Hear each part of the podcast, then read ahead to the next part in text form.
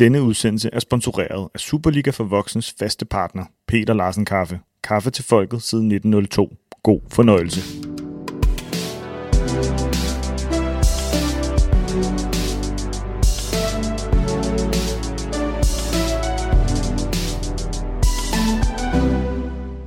Det skal handle om Europa, det skal handle om de kommende år, uden forbehold. I dag siger vi ikke ja eller nej, vi har ikke kampagner eller forsøger at skræmme nogen. I dag handler det mere om, hvad Alexander Seferin siger, end hvad Ursula von der Leyen har ytret. Velkommen til Superliga for voksne om, hvad der kan ske de kommende år, og hvilken rolle udsigterne til Champions League, Europa og Conference League kan betyde for dansk fodbold. Panelet består af Dan Hammer, direktør i Royal Arena. Velkommen, Dan. Tak. Jonathan Hartmann, assistenttræner i Lyngby Boldklub. Velkommen, Jonathan. Mange tak. Og Peter Forlund, branding- og kommunikationsdirektør i Arbejdernes Landsbank. Velkommen, Peter. Tak skal du have. Mit navn er Peter Brygman. Superliga for Voksne er præsenteret i samarbejde med Peter Larsen Kaffe. I dag har vi trefarvet is, eller i hvert fald iskaffe i lysblå. Øh, Det er kaffe latte, det er den gule. Øh, gule. Nej, det er den lysblå. Og den gule, det er karamel, og brun, det er espresso øh, på bordet. I skal ikke afsløre, hvor de står hen på bordet og sådan noget. Det, er, det her det er, det er podcast. Ingen kan se, hvad der sker i studiet, og I siger det ikke til Larsen, hvis ikke der er alle tre farver. Så rummer udsendelsen et element, der både er relevant for indholdet, men også et led i vores samarbejde med Podimo. Det kommer senere. Nu riser jeg lige først nogle forudsætninger for diskussionen op. På mediano.nu ligger der en artikel med en mængde detaljer om de danske holds vej til europæiske puljespil. Det er Gisle Thorsen, der har listet det hele op. Og nu prøver jeg lige at gengive en 3-4 hovedpunkter øh, pointer fra det. Først og fremmest så, fordi Rusland er ude, så vil man se, at de danske mestre går, nu går ind i play-off-runden til Champions League. Og hvis det som ventet bliver FC København, går de ind som seedet til de her kampe. Det betyder en mulighed, ikke nødvendigvis en god mulighed, men en bedre mulighed, for 250 millioner kroner og en rimelig sikker gevinst, som minimum på 100 millioner øh, ved puljespil i Europa League for det hold, der bliver mester øh, som, som det minimum. FC København vurderes i forvejen til at være på et sportsligt budget, der er sat til 170 millioner kroner, og er altså langt foran FC Midtjylland og de andre. Og det er en af de præmisser, der øh, vi ligger ind for, for diskussionen. Vi kommer også til at kigge på FCK's ejerskab, og hvorvidt de her perspektiver øger viljen eller incitamentet til at satse på fodbold og højere omkostninger. FC Midtjylland er ikke sikret et puljespil i Europa, men har flere livliner. Men hvor efterlader det Midtjylland og ambitionen om at komme i Europas top 50, som FC Midtjylland har meldt ud, hvis FC København løber med de store gulderødder i Europa øh, og får bedre forudsætninger der. AGF tager vi ikke ind i det her regnestykke. De slipper for Laren FC og truslerne fra det nordlige Irland. Øh, vi kommer nok også forbi øh, Brøndby og Silkeborg og nogle af de andre hold, øh, som deltager, øh, eller som kan, nej, Silkeborg og måske Brøndby, måske Randers, måske OB, måske Viborg. Øh, nogle af de andre hold, og ja, måske for så vidt også OB, men altså, som har mulighed for at spille øh, altså, i Europa. Men i dag fokuserer vi primært på dominansen i toppen, og hvad der tegner sig de kommende år. Så lad os tage en runde. Hvad ser I tegne sig, Dan, hvis du vil lægge ud øh, i det her perspektiv? Jeg har sådan ligesom øh, to veje, jeg tror, at det kan gå. Øh, det ene er, at øh, der ikke sker de helt store ændringer øh, i princippet. Altså, vi ser det her duopol udvikle sig yderligere.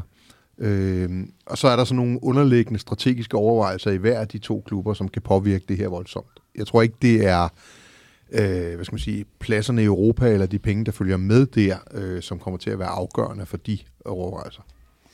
Du ser ikke, hvis nu vi tager den her, det sandsynlige scenarie ud, FC København er dem, der står to kampe fra øh, forskellen mellem 100 millioner og 250 millioner europæiske indtægter, som noget, der gør at sige, okay, nu er vi tilbage i lokomotivet, nu træder vi på speederen, hvis ikke vi allerede gør det.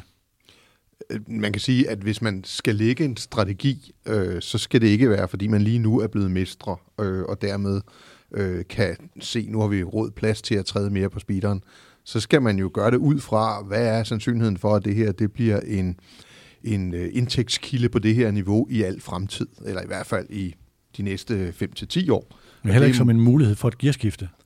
Øh, nej, sådan ser det ikke, fordi at i princippet kan, kan du jo finansiere din drift og din konkurrenceevne øh, fra mange forskellige kilder, Mm. mm. og hvis du er op mod Anders Holk øh, som udgangspunkt, så, så kan du ikke være sikker på, at fordi du tror, du kommer i Champions League, eller fordi du kommer i Champions League her i det her efterår, at så har du taget en afgørende for, øh, hvad hedder det, forspring i forhold til, hvor andre kan finde øh, økonomi til at konkurrere lige, øh, på lige fod med dig. Peter Forlund, hvad ser du tegne sig?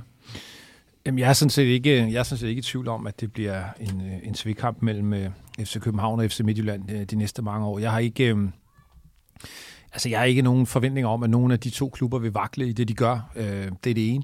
Det andet er, at jeg ser heller ikke nogen i puljen af klubber nedenunder, øh, som tager tilstrækkelige skridt øh, i en retning af at hente ind på dem. Så jeg tror ikke, øh, jeg tror ikke det billede, vi ser lige nu, vil, vil ændre sig særlig meget. Det, det, det tror jeg ikke. Og du ser heller ikke, øh, bare lige for at gentage det spørgsmål, jeg stillede til Dan, altså det her som en mulighed for en acceleration for FC København til at lægge et øget pres på Midtjylland og sige, nu, nu træder vi altså øh, enten hårdt i pedalerne på vej op ad bjerget, eller hvad det er, man nu bruger analogi. Nej, altså det hverken tror eller håber jeg. Altså, jeg tror det ikke, øh, fordi øh, at, øh, altså, et mesterskab er, altså det, det, det er jeg enig med Dan i faktisk i det, du sagde. Det behøver jeg ikke gentage, men, og jeg håber det heller ikke, fordi altså, hvis, hvis, hvis hvad skal man sige, sådan hele deres øh, strategiarbejde, som jo øh, efter sine snart kommer, øh, kommer der noget ud af det, øh, som jeg husker det. Altså hvis, hvis, hvis alt det øh, kan ændres eller justeres øh, på baggrund af et mesterskab, så, så, er, det, så, er, det, så er det relativt tyndbenet. Mm. Så jeg håber det ikke, og jeg tror det heller ikke. Jeg tror, at FC København har en plan for, hvad de vil gøre. Det samme har Midtjylland, og begge de to planer øh, vil gøre, at de to kommer til at presse hinanden i en grad, som gør, at, at, at lige nu er der ikke nogen andre, der kan være med. Jonathan Hartmann, hvis du lige kigger øh, det skridt tilbage også på den forløbende sæson, og så sige Mester København, som er på vej til at blive mester, øh, med der blev købt mange spillere, men man har også set en sæson, hvor der er resultatet af mange udviklede spillere, eller spillere, der enten kommer øh, via kort tid i akademiet, eller længere tid i akademiet, som jo også er, er, en, er en interessant vej at gå. Hvad synes du har været det mest signifikante øh, med dine briller på? For FCK og altså for begge klubber? Nej, nej for FC København. For. Øhm, I det sådan lidt større øh, trupsammensætningsbillede, der synes jeg, at den her timeglasmodel, vi har talt om i FC København, har været en, en lidt ny og en lidt interessant vej at gå øh, for dem. Øh, jeg har oplevet FC København operere med, hvad der ligner en mindre trup rent antalsmæssigt, end jeg har set tidligere. Øh, vi har tidligere beskrevet nogle af de mange afgange på de her rotationsspillere, som jeg oplevede, der var i, øh, i sommer. Øh, og så som du nævner, Peter, at der er flere unge spillere, der kommer ind. Så jeg tror faktisk, hvis man, hvis man tager FCK's gennemsnitsalder i øh, de spillere, der har spillet for sæsonen i år, så tror jeg, den vil ligge noget lavere, end den har gjort mange andre år. Øh, det synes jeg er en, en, interessant bevægelse, og det bliver interessant at se, om, øh, om det var noget, der skulle ske nu her, fordi de var lidt i en trupsammensætningsmæssigt i en overgangssæson, eller om det er en, det er en permanent strategi, trupsammensætningsstrategi. Nu har du en baggrund blandt andet i Akademiet i Lyngby, og fra U17, eller U15, 17 og 19, og transition og alle de her ting med at bringe spillere op. Øh, ser du FC Københavns muskler i noget af det, vi ser nu, og i noget af det, der kunne være mulighederne for fremover, som, som værende sådan en, en grønthøster, der kan rydde det hele af de store talenter? Øhm, ej, dertil er konkurrencen for skarp i Danmark, synes jeg. Øh, FC Midtjylland øh, og FC København er jo for eksempel øh, kæmper også nogle gange lidt på forskellige øh, talentjagtmarker. Øh, øh, øh Nordsjælland kæmper på måske på en helt tredje, eller gør det på en helt tredje vej. Så jeg ser ikke på den måde sådan et, et monopol i talentudviklingen, eller en, en, i, øh, noget, der bevæger sig hen mod, kun mod FC København. Men jeg synes øh, sagtens, man kan se, at FC Københavns Akademi, de spillere, der kommer derfra, og sikkert også den mængde penge, der bliver investeret der i, er meget større nu, end den måske var for 5 eller 10 år siden. Og der, der spiller FCK's U19-hold, FCK's U17-hold på et rigtig højt niveau, og der bliver brugt rigtig mange penge på det.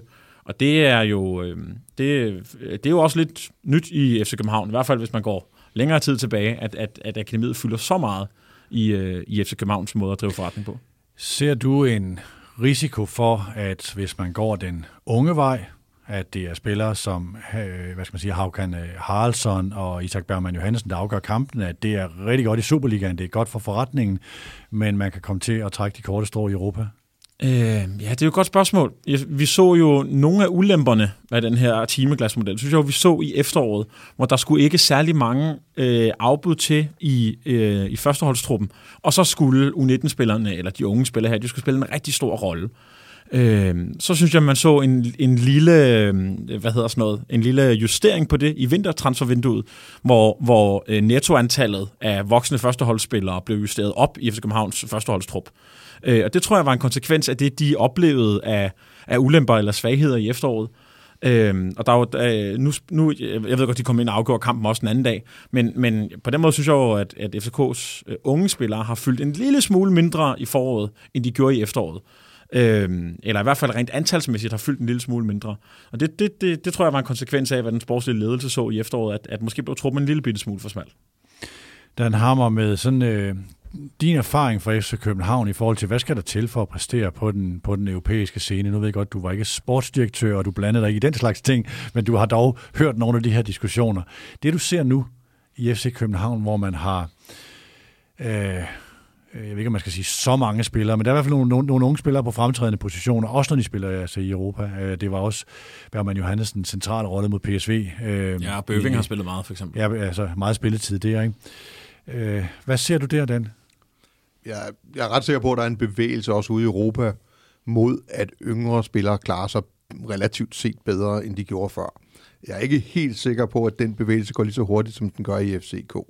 Altså forstået på den måde, at den her satsning på, på de unge, som jo er en strategisk satsning, det er, øh, det er et forsøg på både at tjene penge på transfermarkedet og på at være en vindende fodboldklub. Øh, og, og det er jo det store spørgsmål om, om altså, en ting er at klare sig godt i en Superliga, hvor mange andre i øvrigt har gjort det samme. Altså øh, Silkeborg og øh, mestrene, der, der, der øh, i den grad øh, trapper ned på rutinerede spillere. Øh, hvad hedder det? Og så en anden ting er at skulle lykkes ude i Europa, hvor der kan være alle mulige andre former for strategier i spil. Øh, herunder sådan, øh, øh klubber, der med meget rutinerede spillere på et meget højt niveau, altså et PSV-hold eller noget lignende, at det er den slags, man skal op imod. Øh, problemet med at få nogle endelige afklaringer på det her, det er jo tit, at det er kopkampe ude i Europa, så man kan få nogle falske svar på, hvor man er sådan rent niveaumæssigt, både negativ og positiv. Men det er for mig at se, har det hele tiden været logisk, at FC København skulle øh, skulle vinde mesterskabet i år. Øh, det er det hvert år, øh, vil jeg godt lige sige. Øh, det, der er det ulogiske, er, at de forskellige årsager har gjort det med en lavere gennemsnitsalder, end vi har set øh, tidligere, og med det er nok også mængden af under 22 år i, i mm. truppen, som på en eller anden måde giver en indikation af, at måske kan vi klare os øh, nationalt bedre med langt yngre trup, og dermed også opbevare, eller hvad hedder det, øh, holde fast i den her sådan med, at vi giver de unge spillere minutter på førsteholdet, så de også bliver mere værd for os i en økonomisk forstand. Og det har der ikke været danske klubber, som sådan for alvor har kunnet straffe øh, de sidste.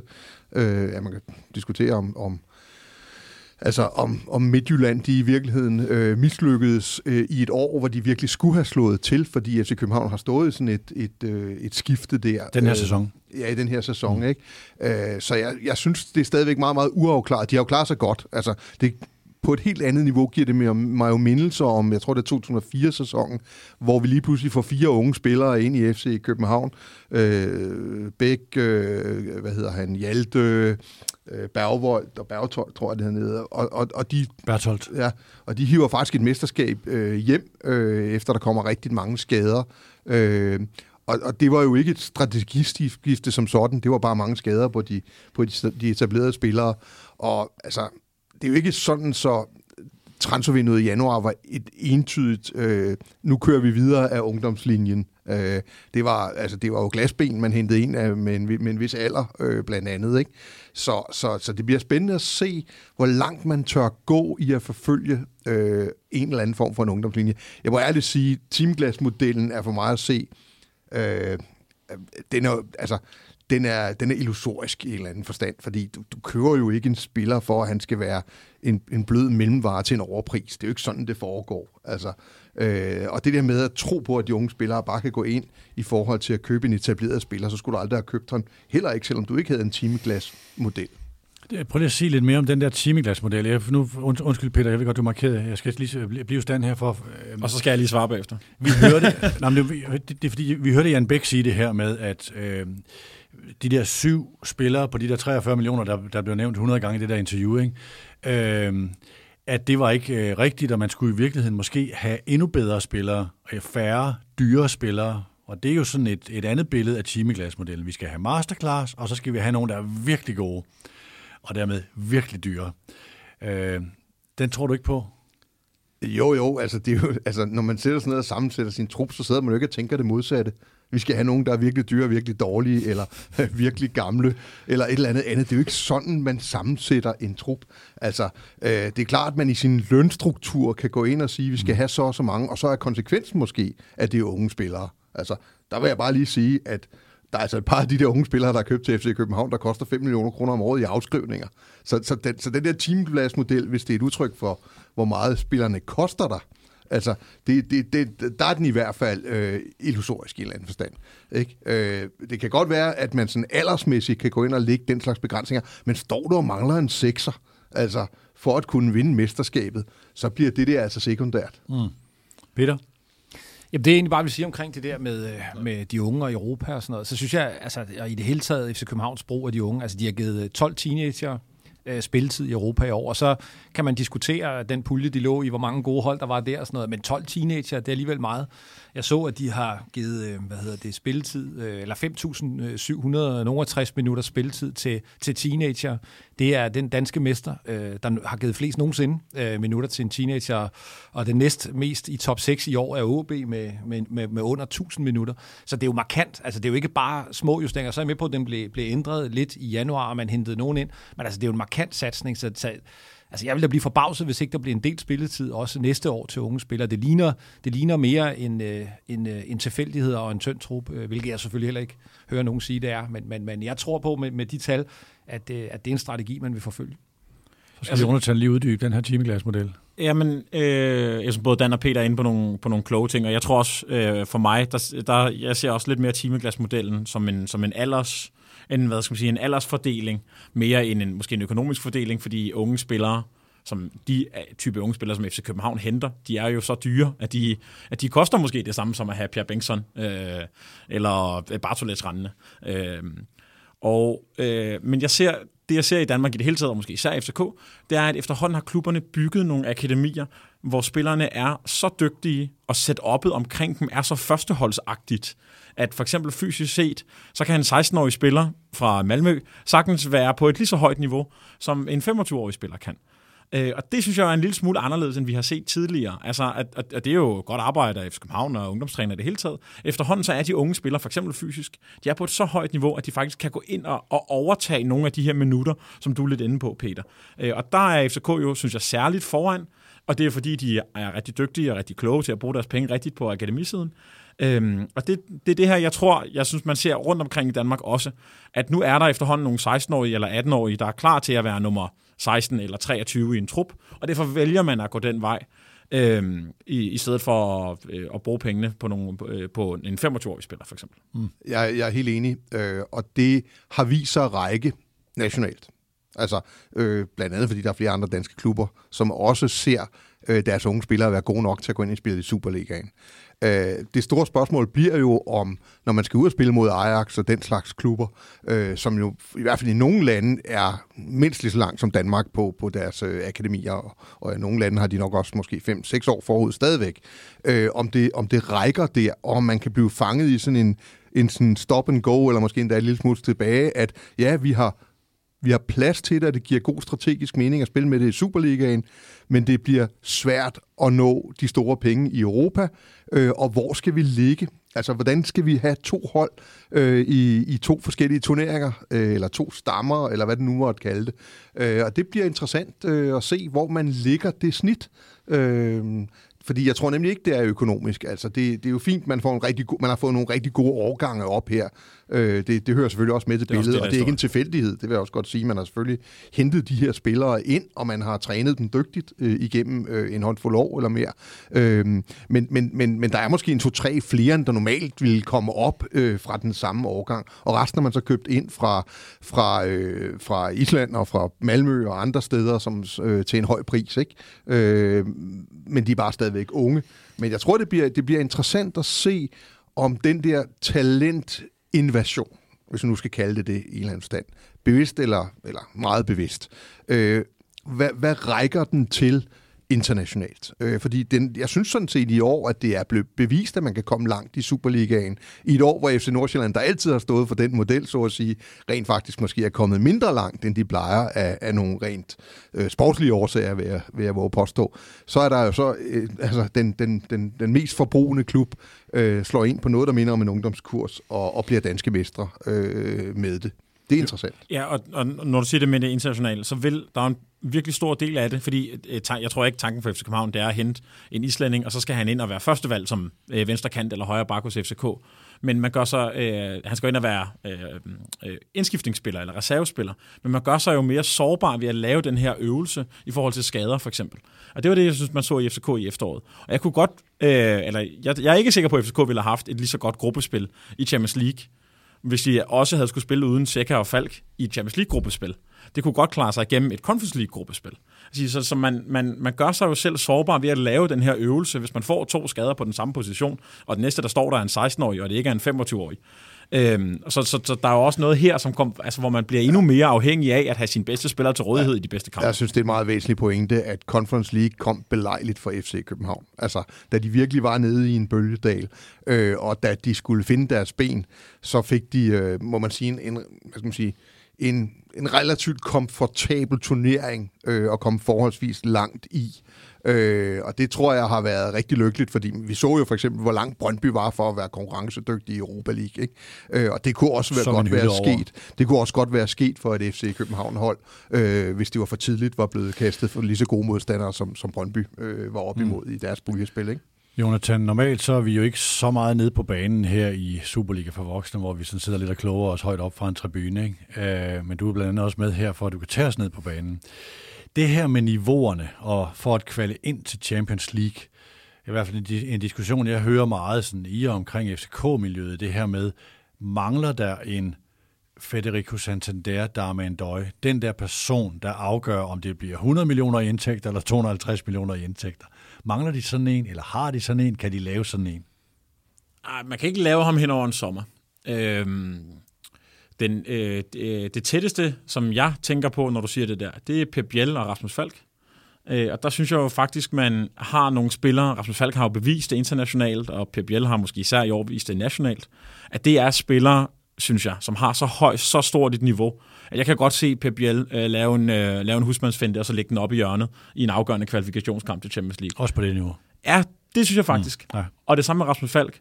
Øh, jeg synes også, den defensive struktur i FCK's hold, den, den, den begynder at give mig mindelser tilbage om en, om en, om en stærk defensiv FC Københavns øh, øh, struktur. Ja. Øh, men jeg kan, øh, jeg kan godt være øh, bekymret for, om, om, hvad skal man sige, om den der fordi det, det, som FCK synes jeg har haft i, i de her øh, store hold, det er, at de har jo ikke kun haft Santander, eller de har ikke kun haft Ailton. Der har været en 3-4 offensive spillere, så hvis den ene ikke var der, så var den anden der. Så er det øh, Santander og Cornelius sammen. Og så ja, for eksempel. Ja. Øh, og hvis de ikke scorede, så kom Thomas Delaney bagfra og hættede den ind. Eller, og, og der er FCK måske, altså, som, som sagt, der, der, der tænker jeg lige nu på Falk og, og Per Biel kan afgøre sådan en kamp. Og det, så er der måske øh, længere til de næste, der skal afgøre en kamp.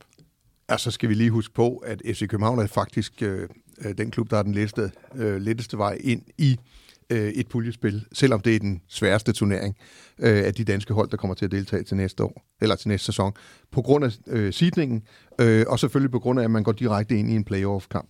Så det man, hvis man kigger meget konkret på det, så, så er det nok muligt at komme forbi Karabak, og, øh, eller måske Malmø, øh, eller Bodø Glemt, øh, som man selvfølgelig ikke skal undervurdere, men, men alt den lige er det jo hold, øh, hvor man har en mulighed for at komme forbi uden at have øh, et, en stor målscorer eller lignende. Så, så hvis, vi skal passe meget på med, at det ikke bliver beviset i sig selv, at man over to kampe slår de norske mestre eller de svenske mestre, øh, fordi at det er jo det, det vil ikke være særlig lykkeligt, tror jeg, at så til gengæld blive rundbarberet i Champions League efterfølgende. Det kunne igen mm. sætte nogle relativt store spørgsmålstegn ved, hvad skal der så ske, når den her sæson er færdig, øh, og når vores øh, koefficient måske også begynder at æbe lidt ud hen ad vejen.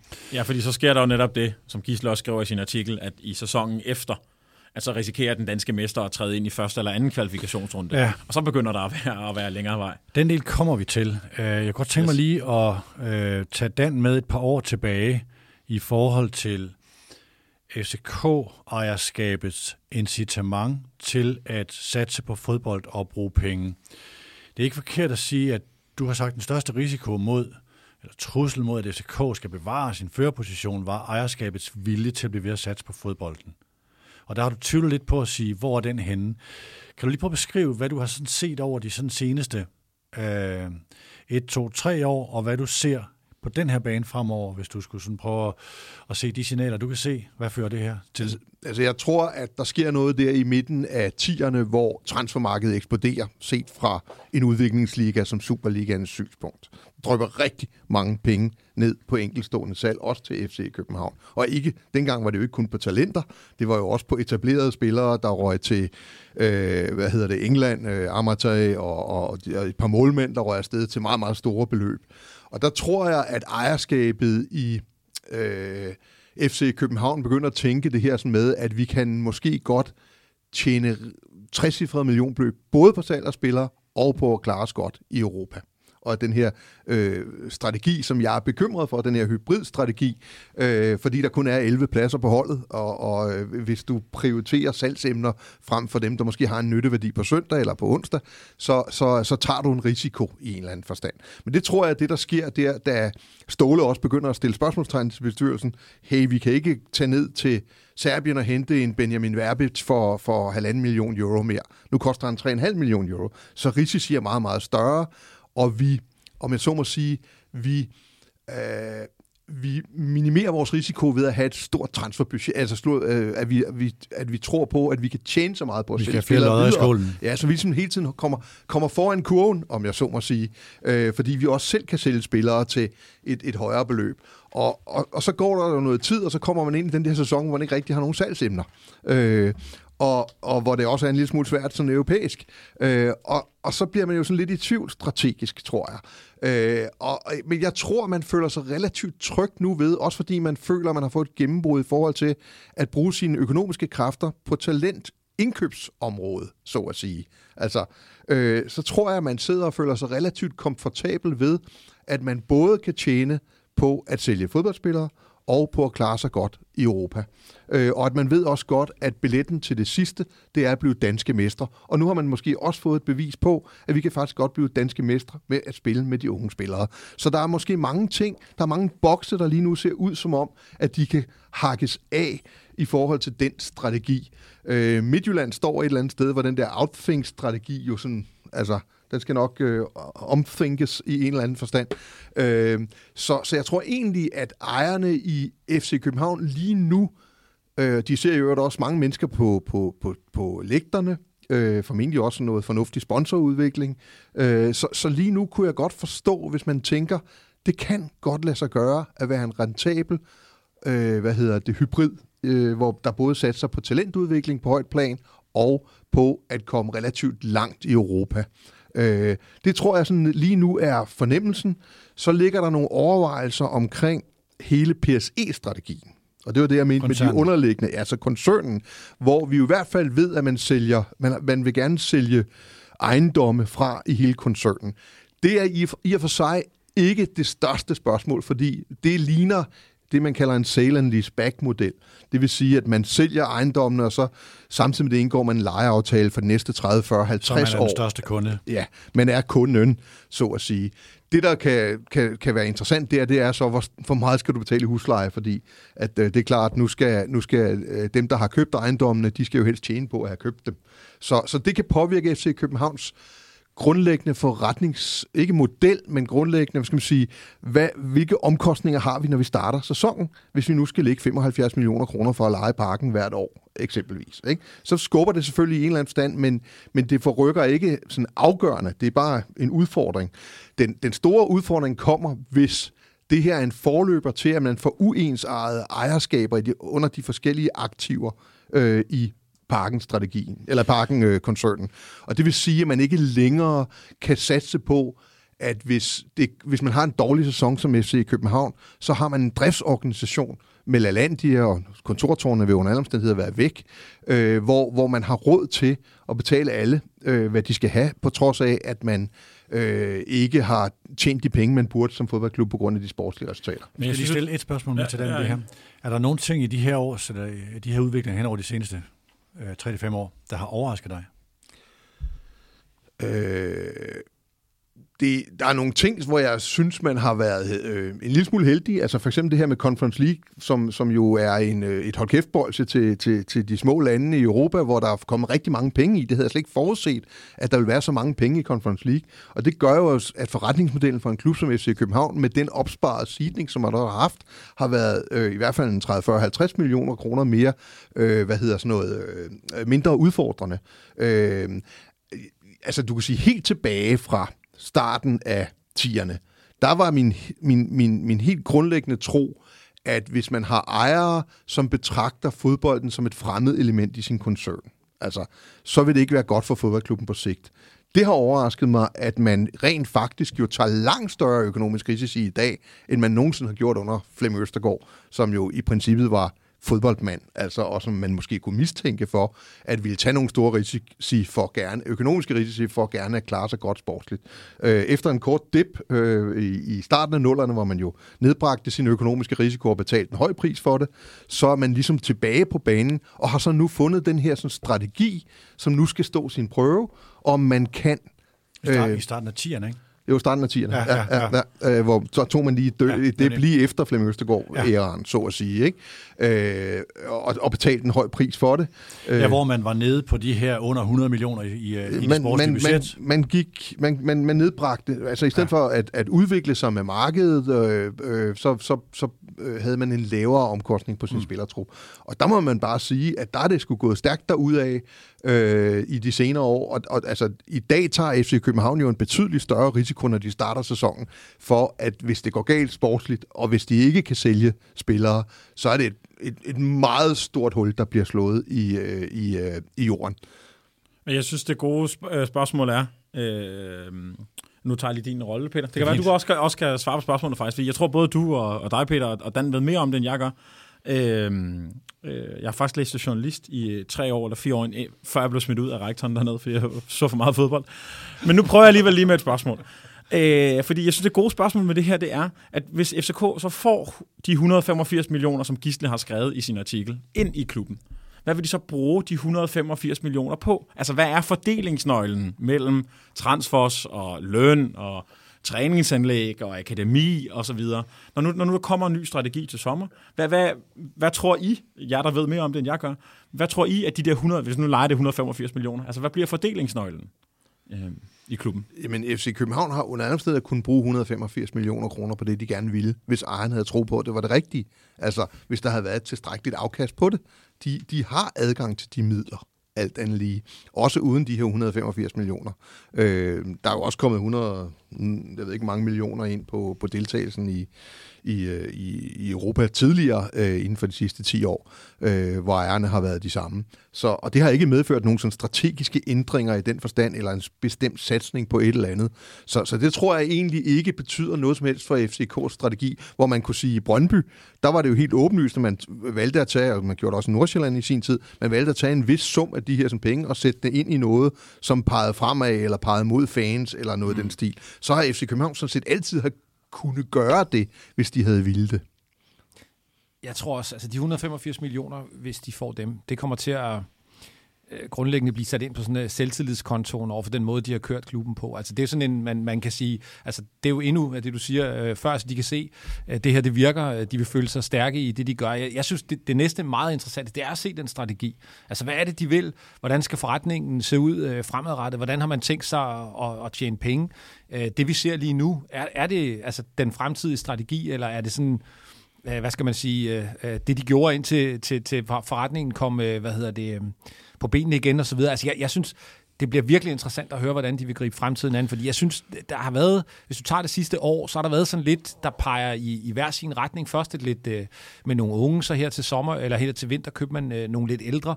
Øh, og, og sådan, altså, de, de, man har gjort mange ting, og man har brugt mange penge. Men jeg kunne godt tænke mig at se præcist skelettet af, hvor, hvor skal de penge bruges, og hvordan har man tænkt sig i øvrigt også, at, øh, at de skal tjenes. For, Fordi, nu siger du det der med, øh, med, med, med salg og, og, og så uh, lease back. Altså, jeg, jeg er også spændt på, hvordan det der kommer til at spille, spænde af. Jeg synes måske også, hvis jeg skal være ærlig, at det er sådan sjov kødben at smide, mens man venter på en strategi, fordi det må være en del af den. Så der, der, er, sådan, der er sådan mange men, ting, som på et eller andet tidspunkt skal samles til et samlet puslespil. Du vil æde mikrofonen, Dan. Du får chancen det, nu. Det er bare fordi, jeg, der er sådan en, en, en, en klar gørelse, håber jeg det er. Altså, strategi er, hvor mange penge man bruger. Øh, hvordan man bruger dem, er ikke nødvendigvis strategisk. Det har en hel del at gøre med kompetence. Jeg tror, det er vigtigt, at vi ikke får blandet de to ting sammen. Øh, og, og FC København har øh, i hvert fald lige så længe som øh, at altså det der strategisk kan have presset FC København, det har været, hvis ejerne ikke ville komme med flere penge, og Nordea øh, på en eller anden måde ville have indfriet noget gæld. Altså, øh, og det er der ingen som helst grund til at tro, Nordea de skulle være over ivrige for, fordi du har en velfungerende øh, koncern, der betaler sine øh, afdrag og sine renter. Det vil sige, at det er en god forretning for Nordea, mm. at øh, FCK skylder så mange penge, eller Parken Sport Entertainment skylder dem så mange penge. Så der har ikke været noget pres den vej rundt, så længe man overholdt de her sådan ting. Det er selvfølgelig klart, at det, der strategisk set er interessant, det er jo, om ejerne har lyst til at komme med flere penge. Altså enten ved at hente nogle flere ind, og det vil sige udvandring, øh, eller ved at betale udbytte, når man for eksempel kommer i Champions League, hvilket jeg mener vil være en meget sandsynlig øh, øh, konsekvens, at nogle af pengene vil blive brugt til udbytte af ejer, til ejerne, for eksempel. Ikke? Mm. Øh, der ligger nogle store investeringer i stadion, men den, kan jo, den, den hænger jo lidt på, hvad skal der ske med stadion? Mm. Altså, hvem kommer til at eje det? Og der ligger nogle investeringer formentlig i noget træningsanlæg, Træningsanlæg, ja. som, som, som, men det er jo relativt relativt til de her beløb, vi snakker om her, overskueligt. Ikke? Men er du Så- ikke relativt sikker på, at de leder efter en ny investor? Altså en del af, af det, der foregår nu, og som kommer til at, at, at blive synliggjort i et strategiarbejde, det er, at man, man skal have nogle nye penge ind. Det, det, det er jeg ikke jeg, tvivl om. jeg synes, der er en... Parken? Altså, Ja. jeg, jeg jeg synes, der er sådan en enorm bred vifte af muligheder øh, for, hvad, hvad, hvad det er, det her det går ud på fra ejernes side. Altså, og her tænker jeg ikke om den strategi, som Jakob sidder og laver omkring, hvordan man kan komme op på 250 millioner kroner i kommersielle indtægter, som han har berørt i en tidligere podcast derude. Altså direktør Jakob Lauesen, Ja, lige som er en præcis. af dem, der arbejder det, på den det, nye er strategi. det er en del af strategien, at man selvfølgelig skal fra sin almindelige drift forsøge at optimere sine indtægter mest muligt, og det kan selvfølgelig hjælpe på, hvor stor en risiko man tør løbe rent øh, økonomisk. Men, men det, det helt store spørgsmål er selvfølgelig, hvorfor sælger de ejendommene? Er de ved at bruge koncernen op? De er i hvert fald ved at skære sig af med kontortårne. Det er jo en driftsindtægt, der forsvinder mm. fremadrettet. Men det betyder jo også samtidig, at man sandsynligvis nedbringer sin gæld. Og det vil sige, at der forsvinder nogle finansielle omkostninger. Øh, og, og før vi ligesom kender, hvad er meningen med det her? Øh, og lige nu, så tror jeg stadigvæk mest på den der sale and lease back model øh, i en eller anden forstand. Og det vil sige, at så starter FC København bare med en husleje øh, inde i parken, øh, som i en eller anden stand skal indregnes i deres omkostningsbudget. Mm. Øh, og, og det betyder jo i princippet, at det er, det er det der valg af, hvor stor en økonomisk risiko er jeg villig til at løbe som aktionær. Det er det spørgsmål, der er så super interessant, og som, vi, som jeg synes, det er svært. Og i det lys, Dan, ja. i det lys, så er det også bare, at et salg af kontorbygninger, et salg af andre ting, parken, øh, er jo med til at gøre den risiko for nye investorer væsentligt mindre. Det skal man også huske. Så det kan også være at gøre sig til for at, at lave et, et, et salg. Jeg, jeg er ikke et sekund i tvivl om, at hvis man står med en masse øh, penge og gerne vil investere i en fodboldklub, så er det ikke helt sikkert, at man har lyst til at investere i nogle kontortårn og et gammelt stadion også. Så jo mere man kan komme af med, jo mere clean koncernen kan være, øh, jo mere er du også attraktiv for, at der er nogle af dem med penge måske hurtigere kan overskue det, og dermed måske til. heller ikke føler, ja, men måske, ja, men jeg ved ikke, om det skærer det til, men måske kan overskue en risiko mm. nemmere, fordi den er mindre, Jo, simpelthen. men der skal man så bare huske på, at hvis det rent faktisk lykkes at sælge stadion med den forudsætning der, så er man inden for verdens største idiot, eller også så følger der en omkostning med, som skal indregnes. det forstår jeg ikke. Hvad mener du? at, at, at, at stadions udfordringer, og det, at FC København skal spille der fast, forbliver jo de samme, uanset hvem der ejer det. Ja, ja. Og det ender på FC Københavns bord. Nu altså, snakker vi om ønsket om at sælge den. Der er jo ingen, Ja, altså, ingen der nej, siger, at man, det lykkes at sælge den. Nej, altså, jeg, jeg tror, at... I altså, ejendomsmælerbeskrivelsen står der en rigtig fin græsplæne. Det siger Allan Agerholm selv. Ja, ja, ja det var det, filmet 30 meter Så, fra ja. med en mobilkamera. men, Øh, men, altså, men bundlinjen er, at de store spørgsmål omkring FC Københavns konkurrenceevne fremadrettet nationalt og især internationalt, de spørgsmål afgøres iblandt tre hovedaktionærer, måske med en bank på sidelinjen, og ikke om man vinder øh, hvad hedder det, øh, øh, playoff-runden til Champions League her i efteråret. Det er jeg enig i. Dan. Jeg kunne godt tænke mig lige at besvare Jonathans spørgsmål, og dermed samtidig starte en ny diskussion. Øhm, det vi har set hen over ja, faktisk en nærmest 10 år. Det har været den her dans med at sige, kan vi, hvad kan vi egentlig få, når vi har råd til at købe spillere for 2 millioner euro, 3 millioner euro, 4 millioner euro og så videre. Og der har vi set også øh, altså på lønsiden, hvad, hvad, hvad, hvad sidder klubberne og kigger på nu, ud fra det, vi refererede Jan Bæk for før, det som øh, vi taler om her med FCK, men også med Midtjylland. Hvad har man fået ud af at hente Pione Sisto hjem og tage ham fra næsen af FC København? Hvad har man fået ud af, nu er det lidt uretfærdigt over for Erik Svirchenko, der har været meget skadet, men at lave den her, øh, altså, eller forsøge at lave den altså lange kontrakt med Svirchenko. Øh, Mahroni har vi talt meget om, og hvad blev der egentlig af ham? Jeg kender ikke lønningerne på Wagner Love og Max Meyer, men altså det der med at sige, hvad kan du egentlig få, hvis du er villig til at gå langt? FC København med Andreas Bjelland, og jeg ved godt, at han gjorde Vavro god, og der var noget investering der, men Babacar, Øh, du kan sådan set også sige køb fra andre klubber, og sige Mikkel Kaufmann, det var en OK case, den, blev, den er måske nogenlunde neutral, at han har lige scoret ned i Hamburg. Øh, Jens Dage, en god præstationsspiller, som man også købte dyrt for de andre klubber, men er det det, der giver en stor ROI, for nu at tage det begreb, eller er det positionen med det unge for Midtjylland? at sige, investere i dem, der kan indbringe mange penge. Hvad kan, altså, hvad kan casen omkring Bergman Johansen, som er, som er dyr, men som også er rigtig interessant. Ikke? Hvad kan casen omkring Rooney, som var man kæmpede meget for, formentlig også har været dyr, da man kunne gå ind i det der game, øh, og som kan indbringe mange penge.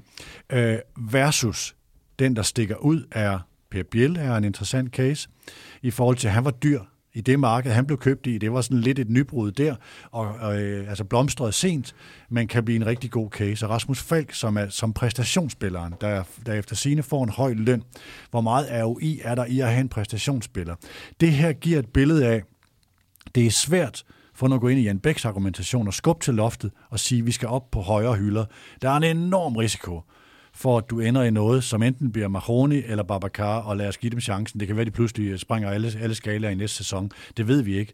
Øh, men det grundlag, der er nu, er, at det er svært at gå derop, hvor investeringen i ungt har vist sig bedre rent forretningsmæssigt, og sådan set også lige så godt sportsligt så kommer der en ek- eksamen for, europæ- altså for FCK europæisk her, i forhold til, hvordan er den der balance. Men det er nogle cases, som jeg tror, man sidder og kigger på og siger, hvad vej skal vi gå?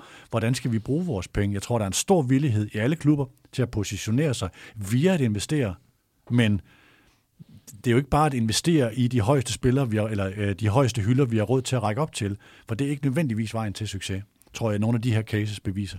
Men er det ikke, er det ikke også bare generelt for transfermarkedet? Altså det, det er jo heller ikke... Altså der er også nogle af de unge spillere, øh, ham Mo for eksempel i FC København, som heller ikke er slået til. Så er der den med ham Sink, det er måske en speciel case osv. Mm. Jo, det er heller ikke Men altså, det er bare for at sige, der er jo risiko ved enhver. Øh, altså ligegyldigt hvad for en hylde du handler på, så er der en risiko. Og så er det selvfølgelig klart, at øh, altså, prisen afgør jo selvfølgelig, hvor meget du tager, hvis det går galt. Men, men jeg tror, altså jeg, jeg vil i hvert fald på baggrund af det, der, der er sket i, i Superligaen i år, ikke sige, øh, synes jeg ikke, man kan sige, at, at det er bedre at investere ungt end dyrt og sådan noget, og, eller ungt end, end, end lidt ældre.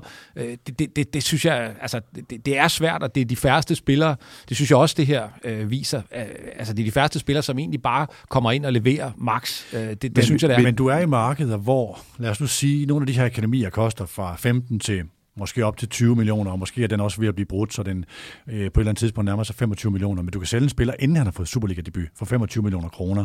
Det er jo det, som nogle af dem kigger på i forhold til, hvor vores penge bedst brugt. Mm. Som også er et, det er ikke længere et nybrud, men det har været et nybrud, ikke? Jo, men du kan sige, alle de der overvejelser, de går i en eller anden forstand på, at du er dygtigere til lige præcis en speciel ting end andre.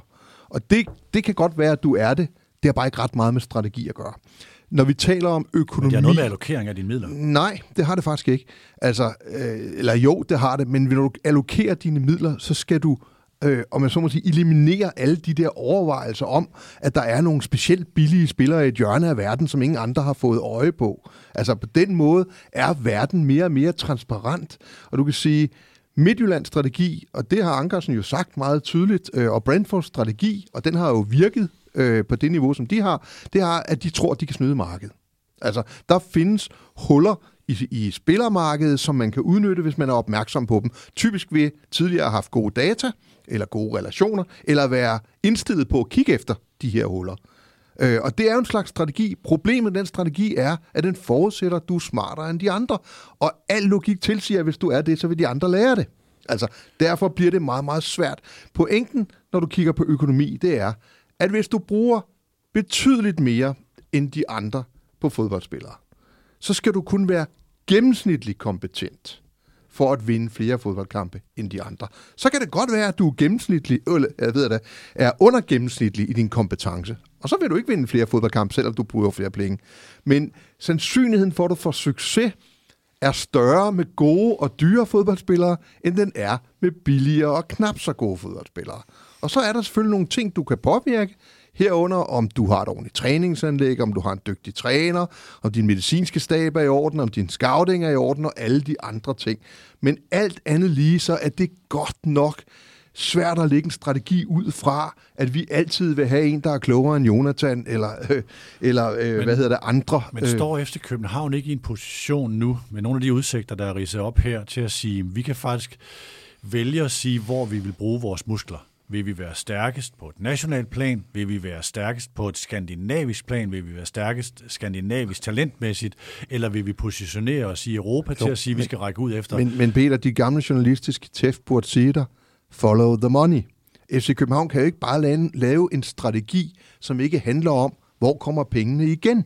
Altså, øh, og det er jo rigtigt. Du skal være dansk mester for at kunne indfri Champions League-deltagelsen. Øh, det, der er det store spørgsmål, det er det her med de to store, ekstraordinære indtægtskilder for tophold i Danmark. Det er transfer, og det er europæisk deltagelse. Mm. Og, og de ligger sådan efterhånden nogenlunde samme størrelsesorden. Der er måske lidt mere, hvis du kommer et godt stykke Champions League, end du kan lave på transfer. Men der er efterhånden fodboldklubber herhjemme, der laver plus 100 millioner på øh, transfer netto om året. Øh, og, og, og det er jo det, der er den strategiske overvejelse. Hvad tør jeg satse på? Er de to til hinandens modsætninger i en eller anden forstand? Mm. Eller kan det gå op i en højere enhed? Jeg kommer til at tænke på en interessant, eller jeg synes selv, det er en interessant ting, så må vi jo se, om, om det er også interessant for jer. Men det der, den der skældning mellem det nationale og det internationale. Øhm, fordi når du siger det der, Dan, med at øh, fodboldverdenen bliver mere og mere transparent, øh, og mere og mere globaliseret, og spillerne skifter rundt, og vi kender alle sammen de samme spillere, det betyder jo også, at klubberne er i endnu højere grad end tidligere, og det er jo i øvrigt en proces, der har været i gang i noget tid med alle de øh, scouting-platforme, der er, så er de i konkurrence med hinanden om spillerne. Altså Røde Stjerne og Feyenoord og FC København og Malmø og Rosenborg osv., de vil i højere grad end tidligere kæmpe om de samme spillere. Øhm, men det betyder også, som jeg er op med, med den skærpelse, der er af Champions League, øh, og med hvor mange hold fra det, fra det her leje, der kan komme med i Champions League, altså på tværs af landene, der tror jeg, at konkurrencen om at være en af de klubber, der øh, jævnligt spiller Champions League, den vil fylde mere og mere for spillerne. Fordi jeg, jeg oplever nogle gange, når jeg snakker med nogle af vores spillere, eller vores unge spillere, at en af deres allerstørste drømme, der er at komme til at spille Champions League. At det er også at spille på landsholdet, og så er det også at spille Champions League. Det fylder så meget for spillere, at kan man være en klub, der... Som rekruttering, som attraktiv arbejdsplads. Yes, lige præcis. Okay. Så, sige, så det der med, at, at øh, jeg er med på, at der er en konkurrence nationalt, og der er en konkurrence i Champions League, men jeg oplever også, at der er en konkurrence mellem øh, øh, Klub Brygge og Ludogorets og, og Apoel og FCK om spillere. Jeg siger, okay, men hvem er de her klubber, der, der ligger i det nogenlunde samme leje, hvem skal være den klub, der er med i Champions League to ud af fire år, og så et år i Conference League og et år i Europa League? Og det tror jeg virkelig kan være en, en attraktiv position at være i som klub, fordi at hvad hedder det, adgangen til Champions League er blevet skåret så meget, som den er for den her gruppe. Så jeg tror, der kan der være et eller andet, øh, et helt særligt strategisk sted at være, at være hvad skal man sige, opmærksom på at kunne bruge det. Men, i sin, i sin, men det er lige præcis den strategiske lomme, som FC København øh, har ragt mere eller mindre bevidst ud efter i de senere år. Det her med at være den dominerende klub i en lille eller mellemstor liga, det har nogle uproportionalt store gevinster, hvis man lykkes med det. Uproportionalt i forhold til de nationale gevinster.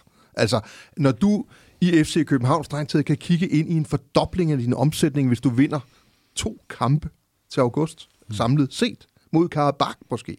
Altså, så siger det jo alt om, at du er nødt til at gå efter det, hvis du vil op, fordi du bliver på den ene side nødt til at have en trup, der er så dyr, at du kan med stor sandsynlighed blive danske mestre, øh, for overhovedet at komme frem til den kamp. Og du skal også have en trup, der er så dyr, så når du kigger så skal du så er der heldigvis det her system, hvor du tripler ned i Europa League eller lignende, hvor du kan samle sidning op. Sådan så din sandsynlighed næste år, når du er blevet mester, for at komme ind i Champions League er større. Så de ting, du siger, er ikke i modsætning til den strategi, vi taler om. De, er, de går glimrende hånd i hånd med det. Det samme gør transferindtægter, fordi spillere bliver mere værd, når de spiller Champions League og måske Europa League gruppespil. Så på den måde er det kun et spørgsmål om, hvor meget tør du satse efter en definitivt attraktiv, rentabel og sportsligt interessant position. Fordi det kommer også til at ske, at du ikke når den. Altså, især når du har et duopol, hvor der er nogen, der i hvert fald udfordrer dig nationalt. Det er jo det, der har været FC Københavns svøbe de sidste 10 år, at man har sat sin mesterskabsfrekvens ned. Det ændrer jo alle regnstykkerne for, hvor stor en chance du tør tage fremadrettet. Altså lige nu, når sæsonen starter, det, det, er, jo, det er jo min oplevelse, øh, min, min analyse, det er, når sæsonen starter, så FCK og FC Midtjylland, det er 50-50, hvem der vinder mesterskabet. Så kan det være, at det til den her sommer, der vil vi give lidt flere procenter til FC København, fordi sæsonen er sluttet sådan, som den er, særligt FC Midtjylland. Men hvis jeg før sæsonen skulle have sagt, hvem bliver danske mester, så havde jeg altså lagt 50 æg i den ene kog og 50 æg i den anden kog. Og hvad er det udtryk for? At øh, FC København ikke får lige så meget for pengene, som FC Midtjylland gør. Og hvad er det udtryk for? Øh, at, at Midtjylland gør det bedre per krone. Eller FC København gør det dårligere. Ja. Ikke? Altså, det er jo rigtigt. Øh, det er, når vi taler om den her sådan, med de 70-20-10, så er de 20 procent jo det afgørende i det her tilfælde. Når du siger sådan, så er det fordi, du vurderer, at FC Midtjyllands kompetence til at få mere ud af deres penge end FC København, øh, den, den er højere end FC Københavns evne til at få det ud af deres penge. Sådan og, har det i hvert fald været de sidste fem år. Og det er en af de interessante ting de næste fem år, det er, er FC København på en lærerkurve i lige præcis det der med at få flere point nationalt ud af deres øh, investeringer? Øh, fordi så kan, de, så kan de tage afstand fra Midtjylland. Øh, Øh, og er Midtjylland et sted, hvor de skal til at omtænke den måde, de gør tingene på? Fordi selvom de stiller op og er 50-50 øh, hvad hedder det, øh, favoritter med FC København, så står de alligevel i en situation i øjeblikket, hvor de må konstatere, at der to år i træk, har de ikke fået det ud af det, som de havde håbet på. På et tidspunkt, hvor alle vil sige, at FC København ikke har været op og ringe der, hvor deres potentiale burde være. Prøv lige at lade os kigge på den nationale positionering øh, i forhold til de her ting. Øh, jeg ved ikke, om I kan genkende billedet af, at den her sæson var en, hvor man forventede, at der var en betydelig fordel i forhold til den rute, man ville blive tildelt på vejen til Europa, ved at blive mester. Øh, at det måske gav en oprustning, hvor vi så nogle ret offensive transfervinduer. Vi så også, uden det direkte skal tilskrives det, men da, da, da Rusland øh, hvad skal man sige, konsekvenserne kom, og man fik mulighed for at erhverve sig Victor Klaarsson og Anders Dreyer, øh, kunne det måske også læses ind i det her. Det leder så frem til, hvad der venter efter øh, sæsonen 22-23, den Superliga-sæson, vi går ind i. Der kommer den europæiske vej til det, der så bliver 23-24-sæsonen. Med andre ord, hvor vigtigt er det at blive mester i den kommende sæson? Og jeg citerer lige fra Gisles artikel. Danmark er røget nogle pladser tilbage på den europæiske rangliste, og det får voldsomme konsekvenser for, hvordan de, de europæiske pladser fordeles i den kommende Superliga-sæson. For det første vil der kun være fire europæiske pladser. For det andet er det kun mesteren i sæsonen 2022-23, der får mulighed for at komme i Champions League i den så sæson, der hedder 23-24. Den danske mester risikerer at skulle starte allerede i første kvalifikationsrunde og træder i bedste fald ind i anden kvalrunde. Derfor vil vi, så det var så citat slut på Gisles artikel, der, der er mere i den, men det var bare det, jeg lige læste op her. Vil vi se en yderligere forcering, tror I, i et slags våbenkapløb? Ja, det er jeg ikke i tvivl om. Men altså, ja, det tror jeg, man havde gjort, uanset hvordan øh, mulighederne for at spille øh, europæisk øh, øh, havde spillet sig ud. Øh, jeg, jeg, jeg synes, at våbenkapløbet øh, var ret tydeligt øh, her i vinter øh, igen, og det tror jeg, det vil blive igen i sommer. Jeg tror, Midtjylland har noget, de gerne vil bevise oven på det her, og FCK vil gerne lægge på. Jeg, jeg tror, helt ærligt, jeg tror ikke, man sidder og kigger på øh, øh, kvalifikationen, øh, hvad hedder det, for enden af, af næste sæson øh, alene. Jeg tror, man kigger på, på rigtig mange ting. Jeg tror, det er vigtigt for både FC København og, og for FC Midtjylland, og for begge vedkommende at få en bedre sæson, øh, hvad hedder det, end de gjorde i år øh, og kvalificere sig selvfølgelig og få den ene, ene plads, der er, og, og, og spille om, er selvfølgelig vigtigt, og det vil de også gå efter. Øh, men jeg, jeg, jeg er ikke i tvivl om, der kommer et, et, et, et våbenkapløb til sommer. Peter, nu skal du ikke referere, hvad der sker, når du sidder som tak. repræsentant for Arbejds Landsbank til en dialog med tidligere, måske var det Ankersen, så var det Steinlein, og så er det Jakob Jørgensen i FC Midtjylland. Øh, de, de der år før Brøndbys mesterskab i 2021, var jo seks år med tre mesterskaber til FC Midtjylland, tre år, eller tre mesterskaber til FC København. Ja. Og der var sådan en, vi sad og regnede på det der øh, samlede pointregnskab hen over de der sæsoner, og vi talte om, i de her udsendelser var FC Midtjylland ved at tage teten i Superligaen, som dem, der var ved at vippe FC København af tronen. Det billede, vi tegner nu, det er et øjebliksbillede. FC København er ved at blive mester, og der er det her med det europæiske, som giver nogle store europæiske guldrødder til FC København. Hvor meget nager det i FC Midtjylland? Hvor meget er man sådan indædt ager efter at sige, at det her skal dele blive løgn? Det, det ved jeg ikke. Altså, fordi for lige det der med, at du siger, at jeg skal ikke referere, det kan jeg ikke, for vi snakker aldrig mm. sportsligt, vi snakker altid kommercielt, så jeg ved ikke, hvordan og hvorledes de, de tænker. Men altså, jeg er da ikke i tvivl om, at det svir. Selvfølgelig gør det da det. Altså, og de har jo været ude og lancere, de vil i, i top 50, og de har satset. Øh, de har købt dyre spillere en længe øh, til den her sæson. Øh, hentet drejer, hvilket i øvrigt var et gud øh, køb eller leje, eller, eller hvad det nu hedder, når man får spiller på den måde. Tak til Putin, tror jeg, Køb de har sagt. for pokker. Skønt Køb for pokker, ja, skønt spiller. Men altså, øh, altså det, det, det, det, det sviger da. Altså, det, der er der ingen et sekund, øh, hvad hedder det, i tvivl om, at, at det havde da været dejligt for Midtjylland, hvis det nu havde været den tredje sæson i træk, efter København ikke var blevet mester. Men sådan var det ikke, og så hvis jeg kender dem ret, øh, så kæmper de øh, med næb og klør for at få stablet noget på benene, der kan, der kan udfordre FC København næste år. Det, det er jeg ikke i tvivl om. Altså, jeg tror, man kan svare på to måder. Man kan sige, hvis vi skal prøve at krybe ind imellem ørerne på dem, der træffer beslutningerne i henholdsvis FC øh, København og FC Midtjylland, så man sige, hvis der var kun rationalitet imellem ørerne på de mennesker, og sådan er det aldrig i fodbold, men hvis der nu kun var, så er det relativt nemt regnestykke. Og der er regnestykket klart i FC Københavns øh, fordel, øh, fordi de er seedet. Altså det vil sige, når du skal lave regnstykket, også for den kommende sæson, altså øh, om det kan betale sig at gå for fuld drøn efter at blive mestre, selvom det bliver sværere at komme ind i Champions League, så vil det stadigvæk være en meget større sandsynlighed for, at FC København som danske mester kommer ind i Champions League, end at FC Midtjylland gør det, for de vil ikke være seedet. Så selvom du skal starte i anden kvalifikationsrunde, så skal du stadigvæk kun møde tre klubber, som du i hvert fald på papiret er mindst lige så stærk som eller bedre. Og for FC Midtjyllands vedkommende vil det være det modsatte. Så det regnestykke vil gøre, at det bedre kan betale sig for FC København. Gisses artikel demonstrerer jo også meget godt, at der også er en større gevinst for FC København ved at komme ind. Øh, dels noget optjent markedpool over 10 år, dels et større stadion og alle de der andre ting, som bare er øh, en, en 25 procent højere i FC København. Så hele det regnestykke for, hvor meget tør jeg satse på at være bedre end Midtjylland, næsten med garanti i år, ser bare mere attraktivt ud fra FC Københavns øh, side, end det gør fra FC Midtjyllands. Så prøver vi at sige, men sådan er det jo aldrig. Det er ikke en algoritme, henholdsvis fra Midtjylland og fra FC København, der regner det her sådan ud.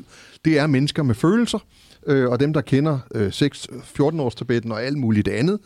Der tror jeg, der har været to forskellige ting på spil i den forgangne sæson, og hvorvidt de så også kommer på, øh, i spil i den næste sæson, det tør jeg ikke lige gætte på endnu, fordi jeg er helt sikker på, at alt det, der er sket internt i FC København de sidste par år, har været langt mere drivende i forhold til, at man ville blive mestre i år, end noget som helst, der er foregået i Herning.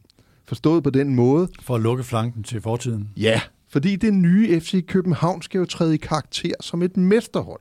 Altså, det er jo, og det europæisk hold. Og det er der masser af prestige forbundet med hos dem, der træffer den her beslutning det er bare ikke tom prestige, for det er jo også en prestige, der giver mening forretningsmæssigt. Så der er ikke noget ondt at sige om det, men der er nok ingen tvivl om, at foden har været lidt tungere på speederen.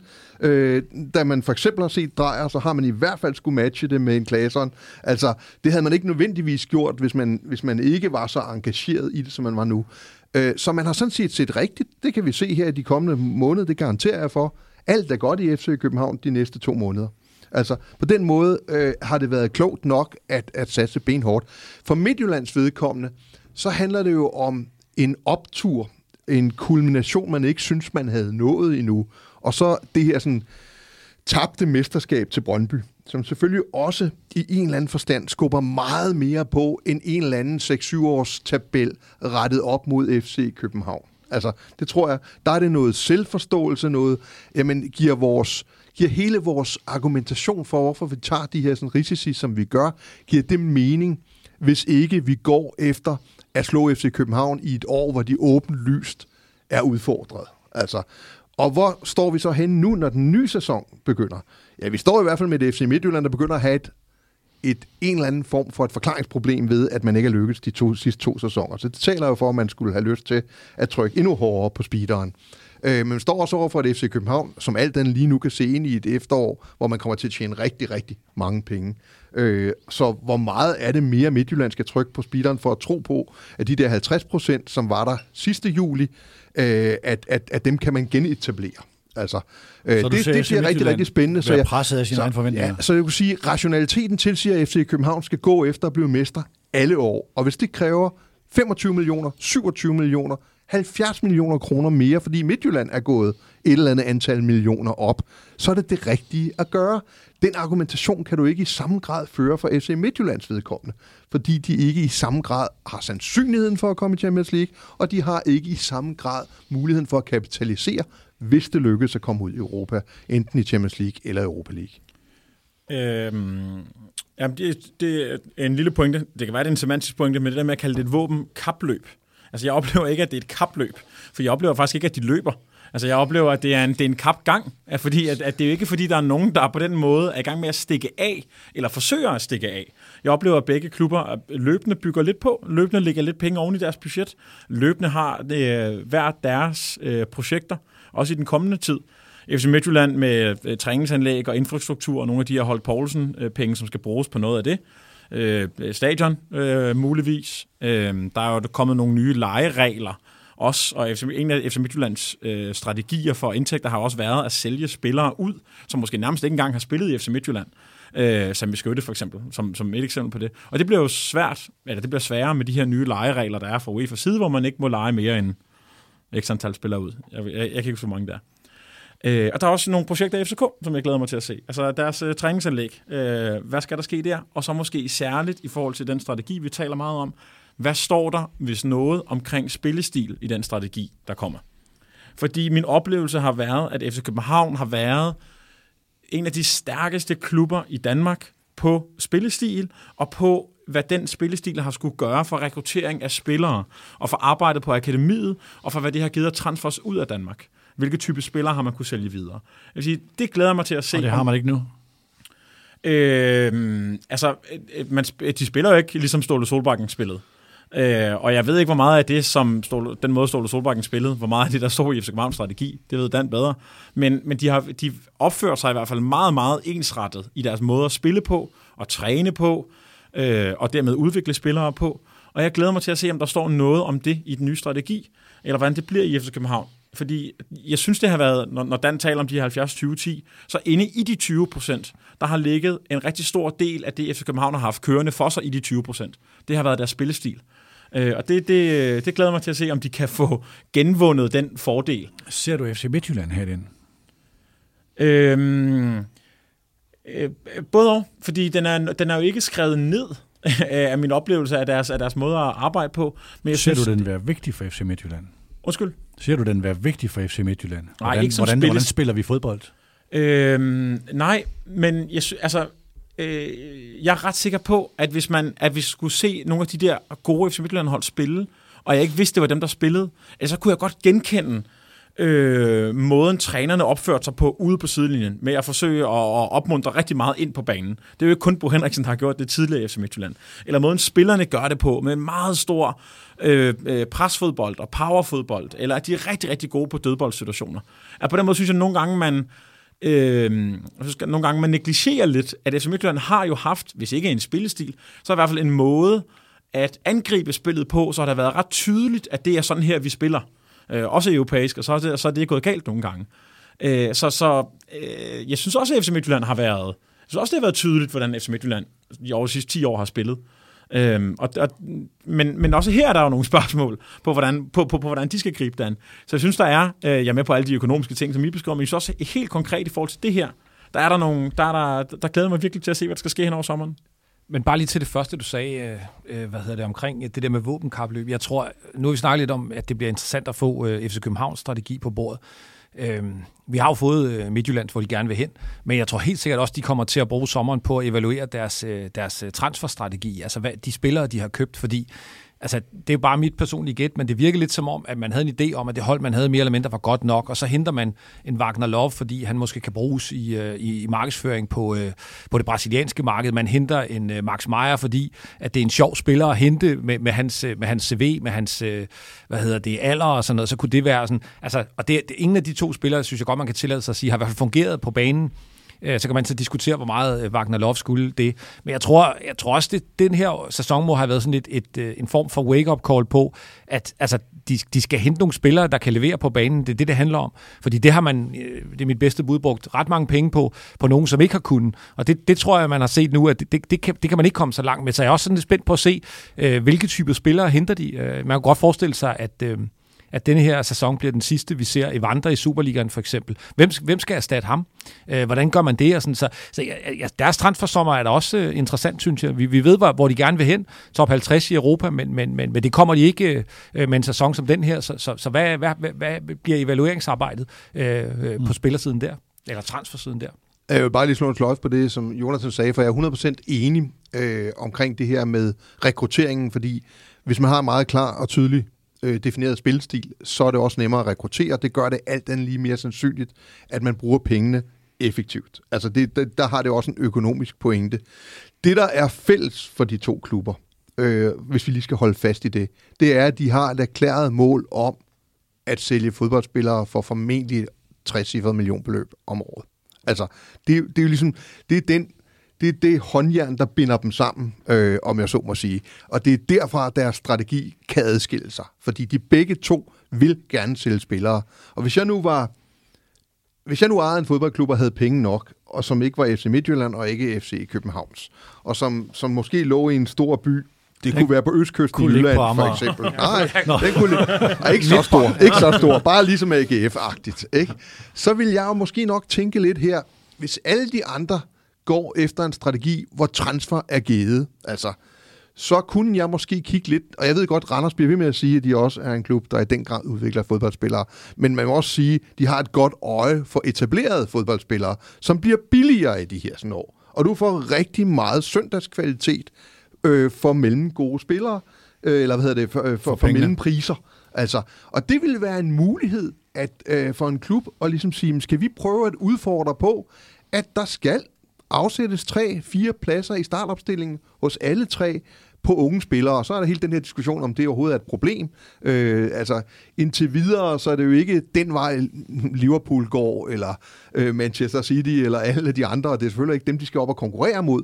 Men, men du skal, altså Ajax blev Ajax igen, da de fik en, en etableret angriber, sådan at lære tilbage, og kunne ligesom gøre tingene færdige. Nu ved godt, det er simplificeret, men, men der er nogle ting der, som er interessante, og som kan åbne nogle muligheder for nogle andre klubber at udfordre dem, fordi det er transfer, som binder de to klubber sammen strategisk. Mm. Og i forlængelse af det, at øh, det der er en anden af ulemperne ved, den, ved det, som Dan skitserer, ved, ved den måde, som FC København og FC Midtjylland øh, øh, går til deres, deres transferstrategi på, det er, at der kommer til at være stor udskiftning i trupperne.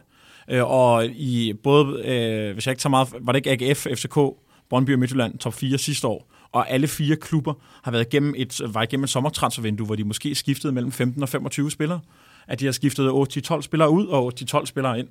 Og det vil sige, at der har været mulighed for nogle af de klubber, der har holdt fast i deres øh, spillere, holdt fast i deres trænerstab. Det kunne for eksempel være Silkeborg, det kunne for eksempel være øh, OB i en lang periode, eller det kunne være Viborg. Der har været nogle, der har været nogle klubber her, der har haft mulighed for at komme tættere på de her klubber, fordi de har haft kontinuitet. Mm. På den korte bane har haft mulighed for at komme tættere på dem. Øh, og det er, jo, det er jo måske et andet hul i markedet. Det er med, med den her strategi, som Dan vil bruge, når han køber AGF. Altså at, at have lange, gode kontrakter på sine spillere, og ikke skifte så mange, og tro på kontinuitet.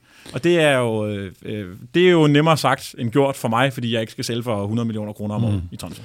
Så lad os lige til sidst her i den her, øh, det her europæiske perspektiv bygge en bro til den fremtid, der kommer. Her er et klip fra det internationale fodboldmagasin Diego, som Mediano laver til Podimo. Her består panelet af Morten Glenvad, Francis Dico og Anela Mominovic. De har store temaer op hos Kenneth Hansen, og i går talte Glenvad om det nye Champions League-format, øh, som kommer. Jeg kommer et klip.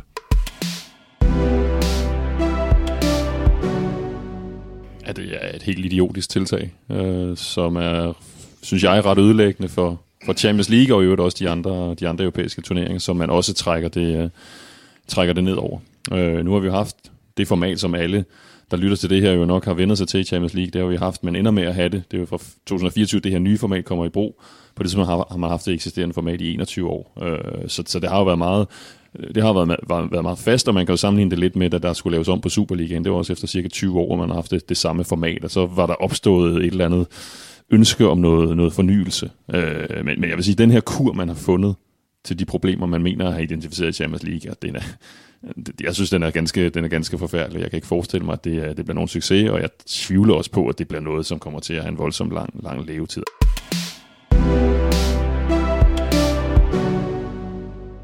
Hvad betyder det her perspektiv? Uh, umiddelbart er der øh, udsigt til fem danske hold med de, eller fem danske adgang med de nuværende koefficienter, men også et nåleøje, hvor de store lande vil fylde mere, øh, og måske en faldende dansk koefficientplacering. Nu øh, kigger jeg lidt prognosemæssigt, og det har jeg ikke belæg for at sige, men det kan, det kan være en risiko. Hvad, altså, vil Europa fylde mindre i forhold til det her? Hvordan rækker vi ud efter indtægterne, tænkning, der er i klubberne? Øh, nej, altså så længe der er så stort et inflow af penge i de europæiske turneringer, som alt den lige jo fordeles mellem klubberne hovedsageligt, så vil det jo altid være attraktivt at gå efter dem. Og du skal også lige huske på, at isoleret set, så kan man have alle mulige synspunkter på, om turneringen er godt for fodbolden, og dermed sådan set også for indtægterne på den lange bane. Øh, altså det her nye system, øh, som bliver relativt svært at forstå, tror jeg, for menigmand. Men for en dansk klub hvis nu vi var to år længere fremme, og vi stod i samme situation, hvor FC København stadig ville være seedet som mestre til at komme ind, så ville det være en Champions League, hvor de ville tjene flere penge, end det, de eventuelt kommer til at tjene i efteråret 2022, øh, hvis de kvalificerer sig. Så og samtidig med det er der rent faktisk en plads ekstra til hold uden for top 12. Så der er ikke noget, der tyder på, at det bliver sværere for den danske mestre at komme ind i Champions League, som oven i købet vil rumme flere penge end tidligere. Så i det isolerede perspektiv, så gælder det stadigvæk om at gå efter at blive dansk mester, hvis du har en trup, der er så dyr, at du stort set kun kan finansiere den øh, ved at spille europæisk, plus at sælge spillere. Hmm.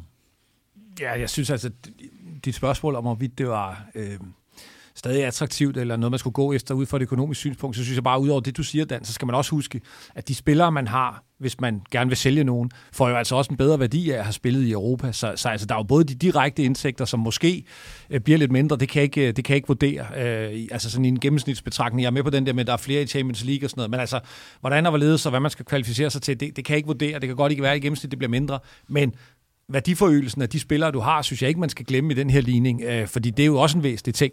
Så, så samlet set, så vil jeg sige, det bliver endnu mere attraktivt at komme, øh, komme i Europa, fordi nu kan det måske blive endnu mere nødvendigt at få den værdiforøgelse. Men så vidt jeg forstår, så spiller, øh, hvis man kvalificerer til Champions League, så spiller man otte gruppekampe. Mange ja. kampe, ja. ja. Og der er jo rigtig mange penge i den enkelte kamp for en klub fra en dansk Superliga. Altså, det, det er jo noget med 20 millioner, du kan ende med at hente på, bar, på entré og øh, markedet, og det ene og det andet og det tredje. Og, og det betyder virkelig noget, der kommer 33 procent flere gruppespilskampe for en dansk klub. Altså. Ja. Jeg sige en, en hurtig ting om det der. Min gode ven Morten Glindvad har, synes jeg, har meget ret i nogle af de ting, han siger. Øh, fordi øh, den her, jeg tror det hedder Swiss Model, tror jeg ja. måske den hedder, ja. øh, og som jo også er en eller anden form, øh, ja, som også er en eller anden form for en, am, lidt en amerikanisering, hvor man de her, hvor man, hvor man ikke spiller mod øh, de samme hold alle sammen. For mig bryder det med et helt grundlæggende princip, om, at man i ligaformater, og det hedder trods alt stadig Champions League, at man i ligaformater, der spiller vi alle sammen mod hinanden lige mange gange, og vi spiller det ude og hjemme. Øh, og så i, i Europa Cupen for mesterhold, eller i kopturneringer, der spiller man jo mod nogle forskellige hold. Jeg, jeg bryder mig meget, meget lidt om den her måde at gå til en, øh, en liga på, fordi som øh, min gode ven Dan Hammer sagde, før vi gik på, at sandsynligvis er der rigtig mange hold, der ender på det samme antal point fordi der er 36 hold, der spiller lige mange kampe, så der vil være en tyk midte. Lige, lige få kampe, kan man næsten ja, sige. Ja, ja, lige præcis. Og det vil jo sige, at vi skal afgøre på målforskel, hvem der skal gå videre i Champions League. Men holdene har ikke spillet mod de samme modstandere. Og der kan være enorm forskel på, om man har mødt Ludogorets den ene dag, eller spiller mod Barcelona den anden dag. Og der, der, der, der er nogle ting i den her måde at, at strukturere et ligaformat på, som jeg synes er virkelig en, en, en dårlig måde at gøre det på. Og så er der nogle øh, givende deltagere, fordi at... Øh, at du vil øh, have de her sådan, pladser til, til dem, der ligger, jeg kan ikke huske, hvordan det er, men som ikke selv har kvalificeret sig. Øh, så der er nogle klubber, Øh, Real Madrid og Barcelona og alle mulige andre kan simpelthen ikke komme ud for sæsoner, hvor de ikke er med for deres landekoefficient og deres egen sidning fra tidligere sæsoner, vil simpelthen bære dem ind i, øh, hvad hedder det, øh, øh, medmindre de ligger nummer 8 i Spanien eller sådan noget, så vil de simpelthen bære dem ind år efter år, uden at de på nogen måde skal sportsligt kvalificere sig. Det er også sådan lidt et princip, men jeg tror, altså, Øh, vi skal også meget passe på med, at, at nu så kigger jeg på Jonas og siger undskyld, altså, men, men vi halvgamle mænd ser jo fodbold på en måde. Og, og altså, det er jo lige før, at vi stadigvæk synes, at selvom banerne skal være enormt gode, men de må godt være lidt mudrede. Ikke? Altså sådan, alt det der nostal- nostalgi og sådan nogle ting. Fodbolden i dag lever i mindst lige så høj grad af en, af en, af en 19-årig gambler fra, fra Singapore, som er, er Peter og jeg øh, der, der, der også tager en stadionpølse. Ikke? Altså, og, og der skal vi bare huske på, at de der formater, virker ikke nødvendigvis fremmed for øh, den type af, nu siger jeg så det grimme ord, kunder. Øh, vi, vi så i forbindelse med Super League, at der stadigvæk er nok kraft i de gamle fodboldfans i det, på det gamle kontinent til, at den der sådan, aldrig kommer op og flyve. Men jeg lover jer også for, at hvis Super League var kommet op og flyve, så havde den ikke været til at stoppe. Og det var derfor, det var så vigtigt at få den holdt på jorden i nogle år endnu. Det her er så betalingen. Mm. Det tror det, jeg godt, man det er tør sige. Derhen. Ja, ja, det er det. Jeg ved ikke, om det er skridt derhen. Det er en eller anden form for en betaling. Altså, øh, det, det står og falder med, er jo, om det er kommercielt attraktivt. Vil folk derude interessere sig lige så meget eller mere for Champions League i den nye model, og det er både Asiaten og, og Peter Forlund og jeg, altså, som vi gjorde, har gjort for den nuværende model. Fordi hvis det sker, så, så vil det fortsætte. Det store spørgsmål i det, det, det er sådan set ikke, om den er en lille smule sportslig uretfærdig, eller nogen har en given plads, eller andet. Det er, om folk de kan overskue den. Altså, giver det her mm. mening? Jeg har stadigvæk svært med helt at følge med i ranking i NBA og andet, når jeg sådan søndag aften tuner ind der. Nu er jeg jo heller ikke, nu ser jeg jo ikke det så indgående, som jeg vil se Champions League, så må ikke jeg nok kunne overskue det. Men forestil dig den sidste spillerunde i Champions League puljespillet, den sidste runde i øh, Europa League slutspil, eller gruppespillet, og den sidste runde i Conference League. Der kan måske være 18-24 hold, der i forskellige kombinationer af 3-1 og 1-1 og 5-5 og alt muligt andet, øh, kan, kan gå videre i henholdsvis den ene og den anden turnering. Det lyder spændende, men til sidst bliver det indviklet.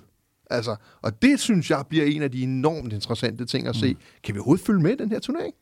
Jeg skal, skal lige sige til Jonathan, du sidder i rum med en, der håber på, at Nottingham Forest rykker op i Premier League. Det gør en, der håber på, at Leeds United ikke, ikke rykker ud af Champions League. Og en studievært, der holdt med Queen's Park Rangers. Ja. Vi er ikke helt kommet til at forstå, hvad det der Champions League det er for noget endnu.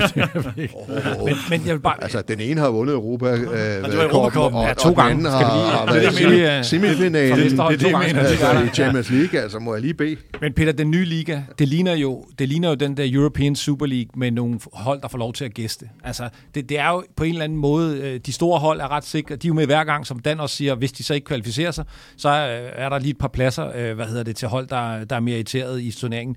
Og det, altså, turneringen er lavet til, at de gode hold skal komme langt. Jeg, jeg tror, og nu, nu gætter vi bare, det kan godt være, som Dan siger, vi er gamle og sådan noget. Jeg, jeg tror, at de kommer til at få den udfordring, som amerikansk sport også har, at der er bare for mange kampe, som reelt ikke rigtig betyder noget. Fordi, hvad hedder det, altså for eksempel så ved jeg, at i basketball, som vi snakker om, øh, øh, som du nævnte før, Dan, der, der har man problemer med, at tilskuerne gider ikke at komme til de første par quarters. Det bliver først afgjort til sidst, og de skal alligevel spille øh, 82 kampe så, og så videre. Altså her, jeg, jeg tror, man kan ikke overskue turneringsformen, så der vil være nogle kampe med nogle mindre hold, som er svære at forstå øh, den sportslige værdi, og det tror jeg ikke over, over tid gør turneringen attraktiv. Der er jo ingen tvivl om, at som turneringsformen er lavet, så skal de gode kampe jo nok komme. Altså når man kommer videre fra de her øh, otte kampe, ja, som jeg tror, det er inde på, så, så er der ingen tvivl om, at så, så er der mange gode hold videre, og så kommer der god fodbold.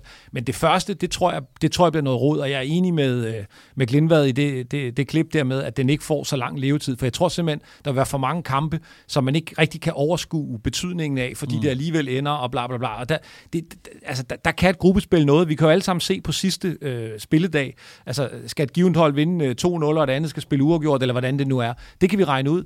Men hvis vi skal sidde og have en 7-8 hold og målscorer, som Dan siger, hvis, hvis en kamp ender 5-5 og sådan noget. Jeg, jeg tror, det er lidt for fortænkt det her, for, for, og, for at lave men, sådan en... Men Peter, en, det er en, måske der, man kunne frygte, at uoverskueligheden taler ind i et skridt videre mod Super League. Det vil sige, så konkluderer man, at der er for mange hold med. Ja, Og så ved vi godt, hvem det er, der ikke skal være med. Ja, men det, det, det kan der sagtens så, være. Så, øh, altså, jeg, jeg, jeg, det bliver men det er faktisk sjovt, fordi jeg synes, når, når jeg lige til, nu vil jeg godt, øh, at diskussionen stikker lidt af, men øh, den, den her Champions League-sæson, den har for mig været en af de mest underholdende Champions League-sæsoner i, i lang tid. Jeg synes, det her forår har været helt vildt med kampe, og jeg er med på, at det her det er jo så knockout-kampen, og vi taler også om gruppespillet, men holdene er nået frem de rigtige hold er nået frem til at spille de her knockout-kampe, som har været helt vildt underholdende, og med godt fodboldspil, og med comebacks og alt muligt. Øh, og det, jeg synes det er faktisk, det er et rigtig ærgerligt tidspunkt, at tingene bliver lavet om på. Jeg forstår godt, øh, at der også er nogle af tingene, der er øh, en sweetener til de store klubber, som ellers går med i, i, i, i det her Super League. Men jeg synes virkelig, det er ærgerligt, og jeg har som sagt den der øh, så må det være fodboldromantiske, eller også er det en matematisk, på at vi er 36 hold i en liga, og man spiller mod 10 af holdene. Altså det, for mig går det slet ikke op i den måde, som vi laver fodboldsystemer på. Jeg er helt enig. Ja, jeg tror, jeg tror det, kun, det, du spiller mod fire af dem, ikke? Lad os lige prøve til sidst. Øh, af dem, ikke? Eller hvad? Nej, nej, nej, nej. Er det 10? Nej, 8. Så det er også noget 8, med, 8, 8, 8 kampe. Så spiller man mod 7. Eller 8 kampe, så, spil, så er man puljer 9, eller hvordan? Nej, det er altså det er en stor pulje. Ja, men det, okay, ja, selvfølgelig ikke Og der er ikke noget ude hjemme, altså, som jeg har forstået det heller ikke. Så det, det er virkelig sådan noget... Men, men, men det er jo kendt for USA. Altså, ja. øh, øh, altså, det er jo den måde, de, de amerikanske ligaer fungerer på. Så er der lidt, der er lidt konferencer og sådan noget, hvor, hvor der er lidt nuanceringer på. Men man men det er stadig mod forskellige modstandere ja, over år. Ja, men problem, i USA, der har du de samme hold år efter år. Så det vil sige, over en 10-årig periode, der kan du udjævne de mm. der sportslige urimeligheder mm. ved, at du, du har mødt øh, et dårligt hold mange gange, ja. eller at du skal rejse langt, eller alt muligt andet. Det kan du jo ikke her, selvom det nok ender med, at det er de samme hold, Ej, der er med hvert år. Er det helt sådan, Dan? Jo, jo. Der er også noget sportsligt der er, i det. Nej, nej, der er sådan en... Øh, hvad mener du? Med altså de møder? At selve, selve, selve systemet, de spiller efter. Øh, der er jeg ret sikker på, at det er sådan et løbende, øh, hvad hedder det, øh, langt ud over den enkelte sæson øh, til rettelæggelse. Ja, det er der en del af, men det betyder faktisk også noget, hvem, hvordan du ender, hvor mange kampe du har vundet. For næste sæsons ja, planlægning? det gør okay, vi. Det ved vi du har, mere end mig. vi har, har et år og tre måneder til at finde ud af det. Ja. Vi, skal, vi skal nok få det lært. Lad os lige til sidst øh, bare lige tage et generisk spørgsmål. Ikke for at dække flanken til de andre klubber, men altså i forhold til nu har vi, AGF spiller ikke så meget i jeres europæiske, øh, men, men, men Randers, Brøndby, OB, OB og nu Silkeborg. Hvis vi lige prøver at tage en repræsentativ klub, nu tager jeg Randers. Uh, Randers FC, de har prøvet et Conference League puljespil, og de har gjort sig en masse erfaringer og hentet pæne indtægter. Hvis I skulle lege sådan et advisory board for Randers' ledelse, og så kigge på de kommende år, hvor meget skal man skele til det europæiske og række ud efter de her indtægter? Jamen, svaret er meget, meget enkelt. Altså, Øh, Randers skal jo stille det bedst mulige hold for den økonomi, de nu engang mener, at de har til rådighed, og så følger europæisk som en konsekvens, hvis man gør det godt. Jeg tror ikke, Randers er, er i en situation, hvor de kan tillade sig. Det er jo ikke, det er jo ikke 10-15 millioner kroner mere i spillerbudget, der øger sandsynligheden for, at Randers bliver i top 4 øh, og klarer sig videre i en europæisk, øh, hvad hedder det, øh, puljespil. Så, så selvfølgelig kan man jo skile til, at lige i øjeblikket har vi jo en situation, hvor 5 ud af 12 danske hold kommer ud og spiller i Europa, og er garanteret noget, der minder om en års omsætning for oprykkerne øh, i Superligaen.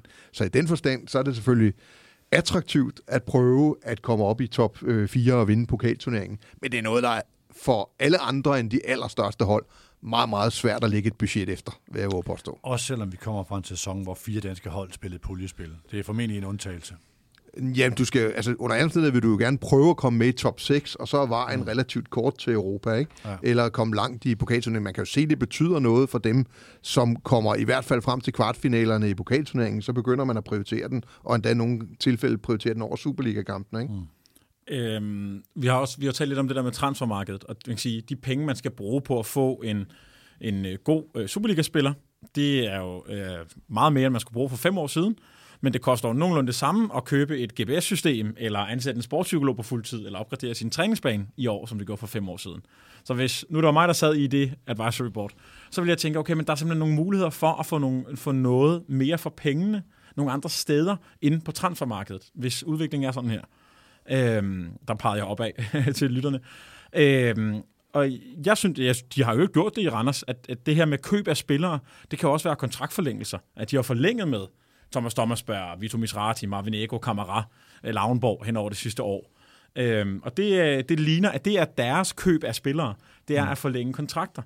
Øhm, og der, der, Investering i kontinuitet. Lige præcis. Ja. I højere grad, så ved jeg godt, at de også har købt Steven O'Day for et eller andet millionbeløb. Men ellers, så ligner det, at de har øh, brugt pengene øh, på løn, øh, Øh, i højere grad end på transfers, og de måske i øvrigt har brugt den nogle, nogle andre steder henne i klubben også. Og det, det synes jeg øh, er rigtig fornuftigt, øh, og jeg, jeg synes faktisk, at Randers på en eller anden måde har, har cementeret sig i løbet af det sidste stykke tid som sådan et, et subtophold, hvor vi skal ikke så lang tid tilbage, før jeg kan huske øh, Ricardo Moniz og Bertelsen, der tog over, og nedrykningsfarer, og de kæmpede mod Lønby i den der sæson osv. Og der er Randers jo som klub øh, på en helt anden hylde i, i dag, end de var for tre år siden. Men det er klart, har man et efterslæb på nogle af de ting, du taler om, øh, så skal man selvfølgelig sørge for at få lukket det efterslæb, uanset om det så er en kunststofbane eller, øh, eller en bedre medicinsk øh, stab eller et eller andet. Men der er også en kurve for, hvor mange point, der kommer ud af det i den sidste ende. Klart. Ikke? Så det handler jo ret meget om, om man, øh, om man reelt set kan opnå nogle fordele øh, vis-à-vis dem, man konkurrerer mod. Øh, så selvfølgelig er det klogt altså, øh, at, at investere der, hvor du får hvor du får et afkast på kronen, øh, der, er, der er højere, end hvis du for eksempel bare købte en fodboldspiller. Men, altså, jeg vil sige, det er stadigvæk dem nede på banen, der afgør, om du kommer ud i Europa. Jamen, jeg vil egentlig bare sige, at hvis jeg var dem, øh, så ville jeg selvfølgelig være utrolig stolt af en fantastisk sæson og en rigtig flot Europakampagne. Men jeg tror, jeg ville, øh, jeg ville sætte min bare til øh, efter at blive øh, lidt mere fast i, i top 6. Det skal vi jo også huske, det er de jo ikke. Altså, det, det, det, det har de prøvet, hvad hedder det, er det første gang? Det kan jeg ikke engang lige huske, men det er i hvert fald ikke noget, de er fast. Så jeg vil starte der, og så lægge på, hvad hedder det...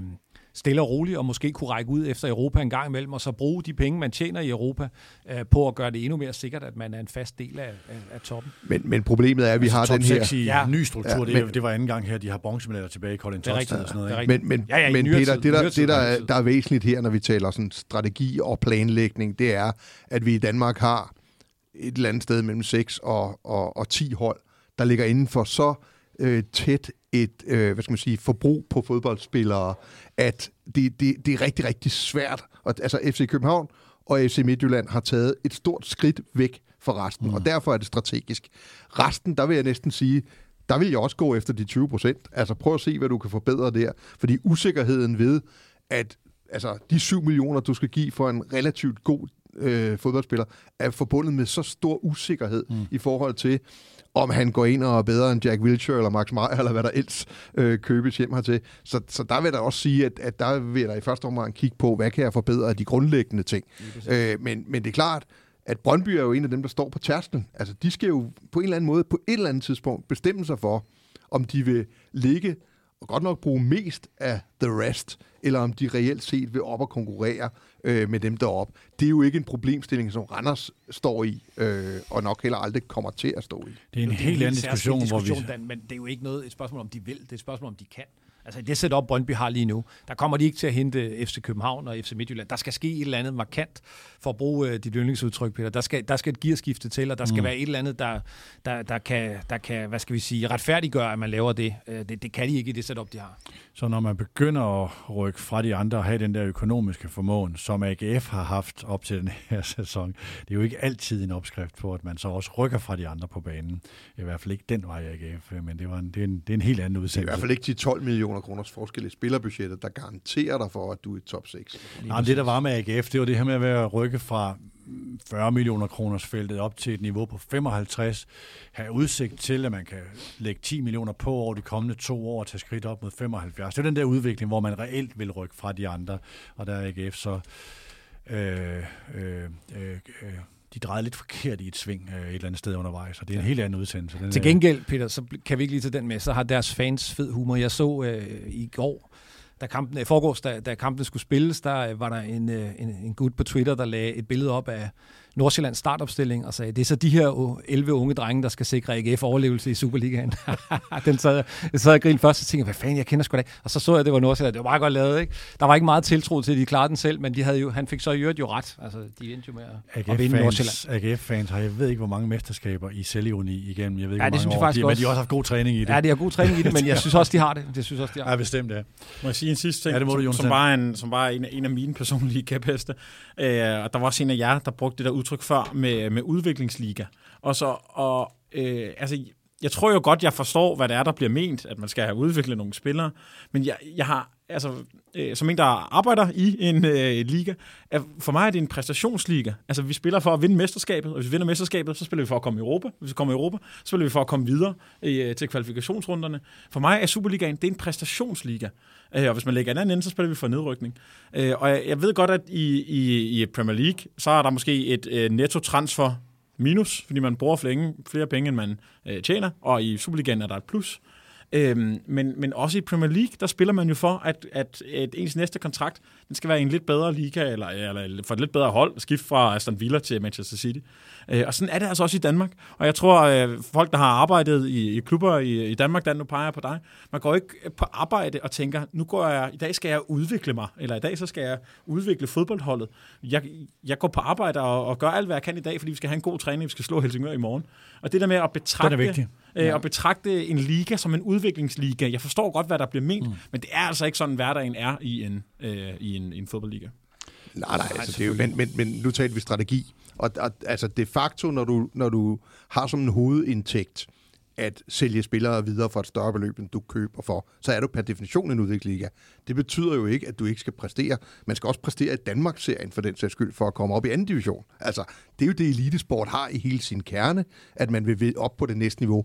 Det har alle ligaer, i hvert fald ned til, til, til den forlukkede hold et eller andet sted. Så, så, så det, er jo ikke, det, er jo ikke, det er jo ikke den forstand, vi taler om det. Men, men det er en forstand, hvor, hvor du forretningsmæssigt øh, har som et hovedaktivitet at udvikle spillere og sælge dem videre.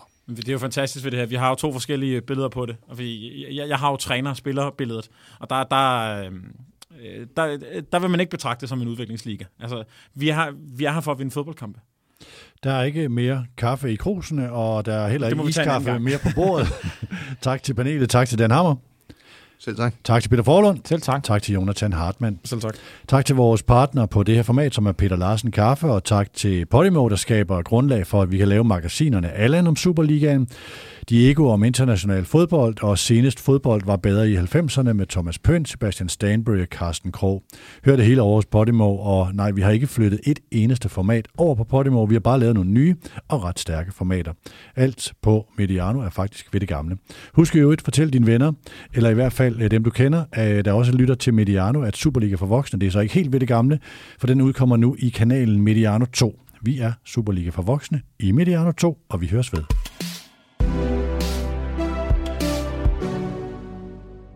Denne udsendelse er sponsoreret af Superliga for Voksens faste partner, Peter Larsen Kaffe. Kaffe til folket siden 1902.